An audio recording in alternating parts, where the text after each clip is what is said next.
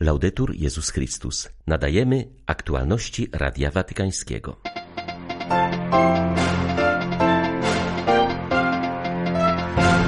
Franciszek odczuwa jeszcze trochę efekty przeziębienia, nie czytał więc dziś dłuższych przemówień, ale przyjął na audiencji między innymi uczestników konferencji Mężczyzna-Kobieta Obraz Boga dla antropologii powołań i polecił im dbać o właściwe z rzeczywistością rozumienie różnic między płciami. Wiara to przyjęcie Chrystusa jako światłości świata. Tak wskazywał dziś w kolejnej wielkopostnej refleksji dla papieża i kurii rzymskiej kardynał Raniero Cantalamessa.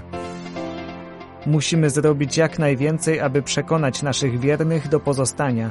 Tak o sytuacji w Syrii mówi grecko-katolicki patriarcha Antiochii Józef Apsi.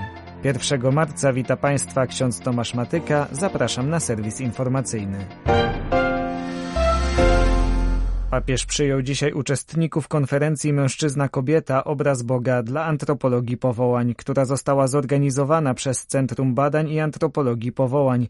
Jak podkreślał, dziś istnieje szczególna potrzeba odkrycia na nowo prawdy, że życie każdego człowieka jest powołaniem. Franciszek poprosił o przeczytanie przemówienia, rozpoczął jednak i zakończył audiencję słowami spontanicznymi. Dzień dobry, proszę o przeczytanie przemówienia, aby nie zmęczyć się tak bardzo. Wciąż jestem przeziębiony i czytanie sprawia mi trudność.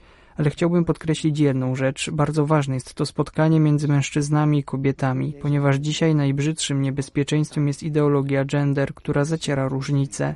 Prosiłem o badania nad tą brzydką ideologią naszych czasów, która wymazuje różnice i sprawia, że wszystko jest takie samo.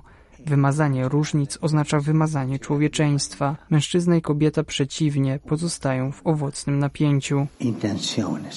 No? W odczytanym przez księdza Ciampanelliego przemówieniu papież wskazał, że istnieje tendencja do zapominania o tym, iż życie każdego człowieka stanowi powołanie. W ten sposób powstaje ryzyko redukcji człowieka do jego podstawowych i materialnych potrzeb. Zostaje on potraktowany, jakby nie miał woli i świadomości, lecz był po prostu niesiony przez życie jak część większego mechanizmu. Zamiast tego mężczyzna i kobieta zostali stworzeni przez Boga i stanowią obraz Stwórcy.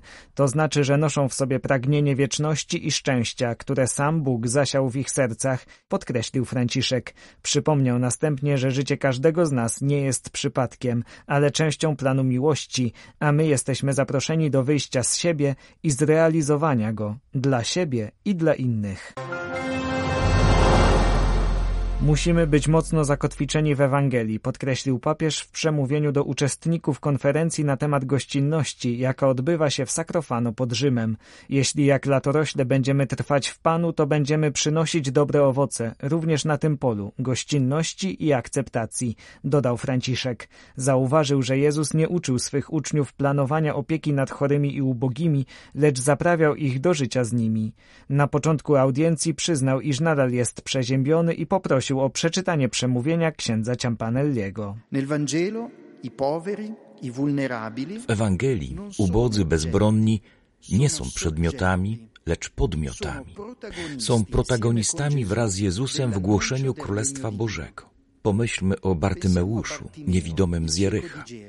Ta historia jest emblematyczna. Zachęcam do częstego jej czytania, ponieważ jest bardzo bogata.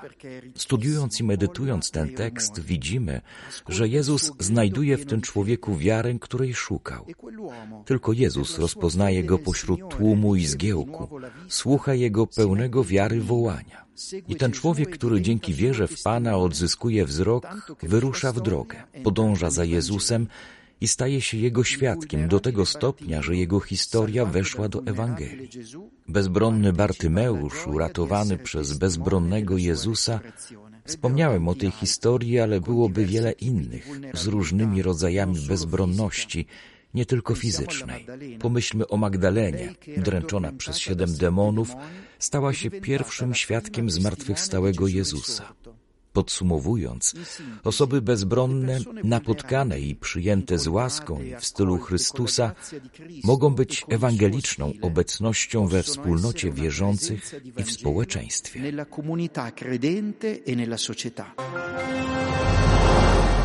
Wydaje mi się, że na Bliskim Wschodzie pojawia się jakiś przebłysk nadziei. Widzimy, że dyplomacja pracuje nad zawieszeniem broni i dostępem do pomocy humanitarnej, mówi kardynał Parolin w wywiadzie dla TV Duemila. Jak zaznacza, ta ostatnia kwestia jest szczególnie delikatna, bo w strefie gazy potrzeba bardzo żywności, leków i opieki medycznej. Miejmy nadzieję, że owa dyplomatyczna aktywność dojrzeje i stanie się rozejmem na tym udręczonym terytorium, mówi watykański sekretarz stanu.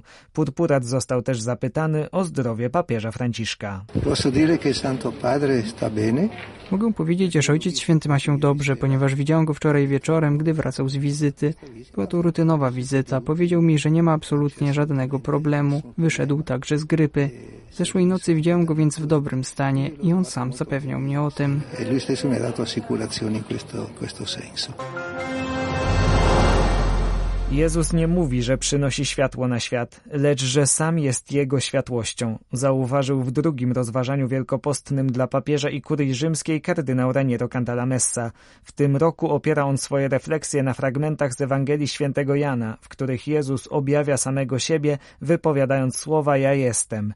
Dziś papieski kaznodzieja skupił się na zdaniu Ja jestem światłością świata. Kto idzie za mną, nie będzie chodził w ciemności, lecz będzie miał światło życia. Questa parola e Te słowa są tak brzemienne i tak piękne, że chrześcijanie natychmiast wybrali je jako jedno ze swoich ulubionych określeń Jezusa. W wielu zabytkowych bazylikach, jak w katedrze w Cefalu i Monreale na Sycylii, na mozaice w absydzie Chrystus przedstawiany jest jako Pantokrator, czyli Pan Wszechświata. Trzyma przed sobą otwartą księgę i pokazuje stronę, na której zapisane są te same słowa w języku greckim i łacińskim. Ja jestem światłością świata. Wspominając moment swojego nawrócenia i chrztu, Tertulian opisuje to obrazem dziecka – które wychodzi z ciemnego łona matki, jest przerażone kontaktem ze światłem świata.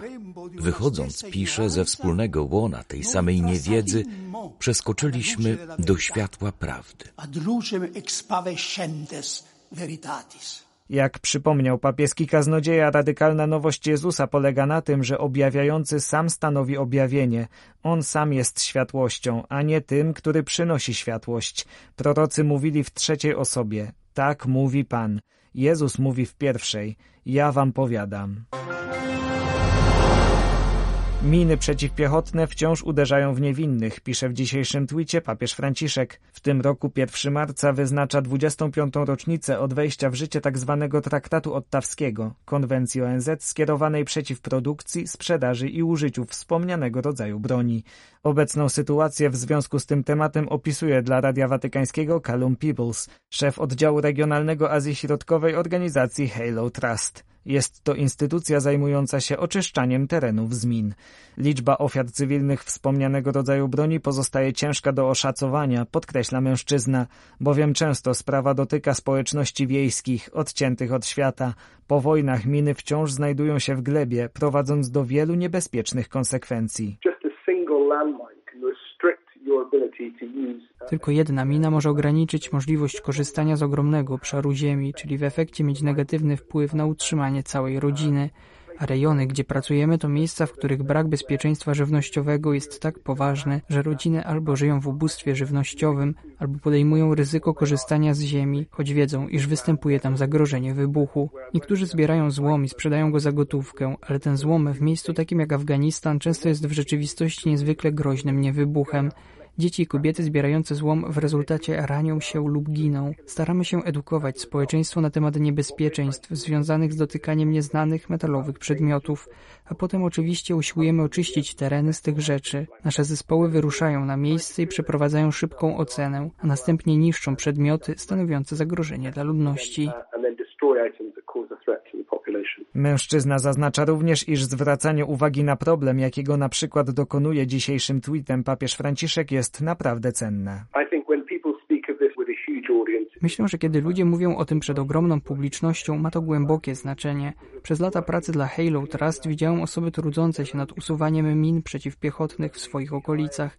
Przypomnę, że zatrudniamy i rekrutujemy ludzi z ich własnych społeczności i są oni niestrudzeni.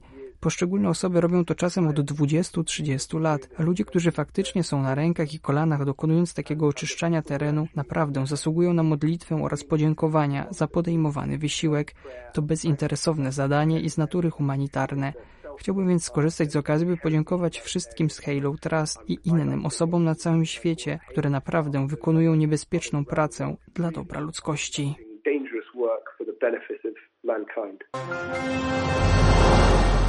Musimy zrobić jak najwięcej, aby przekonać naszych wiernych do pozostania. Tak o sytuacji w Syrii mówi grecko-katolicki patriarcha Antiochii Józef Apsi. W kraju od prawie 13 lat zmagającym się z wojną domową oraz pogrążonym w głębokim kryzysie ekonomicznym, ci, co pozostali, nie mają łatwego życia. Stąd chrześcijanie wyjeżdżają, mimo iż stanowią ważny element społeczny. Hierarcha widzi jednak, iż wśród wciąż obecnych na miejscu wyznawców Chrystusa wiara jest bardzo mocna. W wywiadzie dla Famii Kretien patriarcha wskazuje, kościoły się wypełniają pomimo tej ciągłej fali emigracji. Płynie to też stąd, iż duchowieństwo i biskupi pozostają blisko ludzi. Tak cała wspólnota spełnia swoją misję, przede wszystkim dając świadectwo życia. Hierarcha mówi, że muzułmańska większość Syrii to zauważa i docenia. Widzą chrześcijan coś innego, czego sami nie mają. Dlatego tym bardziej należy podejmować wysiłki w celu zachowania obecności wyznawców Chrystusa zwłaszcza w tak tragicznych okolicznościach jak współczesne. Z okupacjami i sankcjami nie mamy już środków, aby przekonać ich do pozostania, wyznaje patriarcha Józef Apsi. Mamy na swym terytorium siły ONZ, USA, Iranu, Turcji, Rosji czy różnych amerykańskich sojuszników. Znajdują się na najbogatszych ziemiach Syrii, rozgrabiają nas, opisuje hierarcha. Zaznacza jednak, iż Kościół się nie poddaje i usiłuje pomagać jak największej ilości ludzi. W tym kraju brakuje innymi benzyny, zboża, elektryczności czy leków, ale przede wszystkim nie ma pokoju. Grecko-katolicki patriarcha Antiochii przyznaje więc, że nie ustaje w modlitwie o pokój. On jest bowiem najbardziej potrzebny.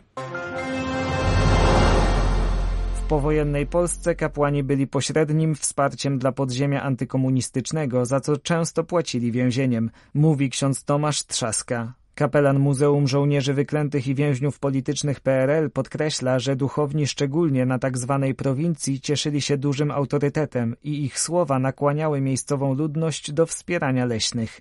1 marca jest w Polsce Narodowym Dniem Pamięci Żołnierzy Wyklętych.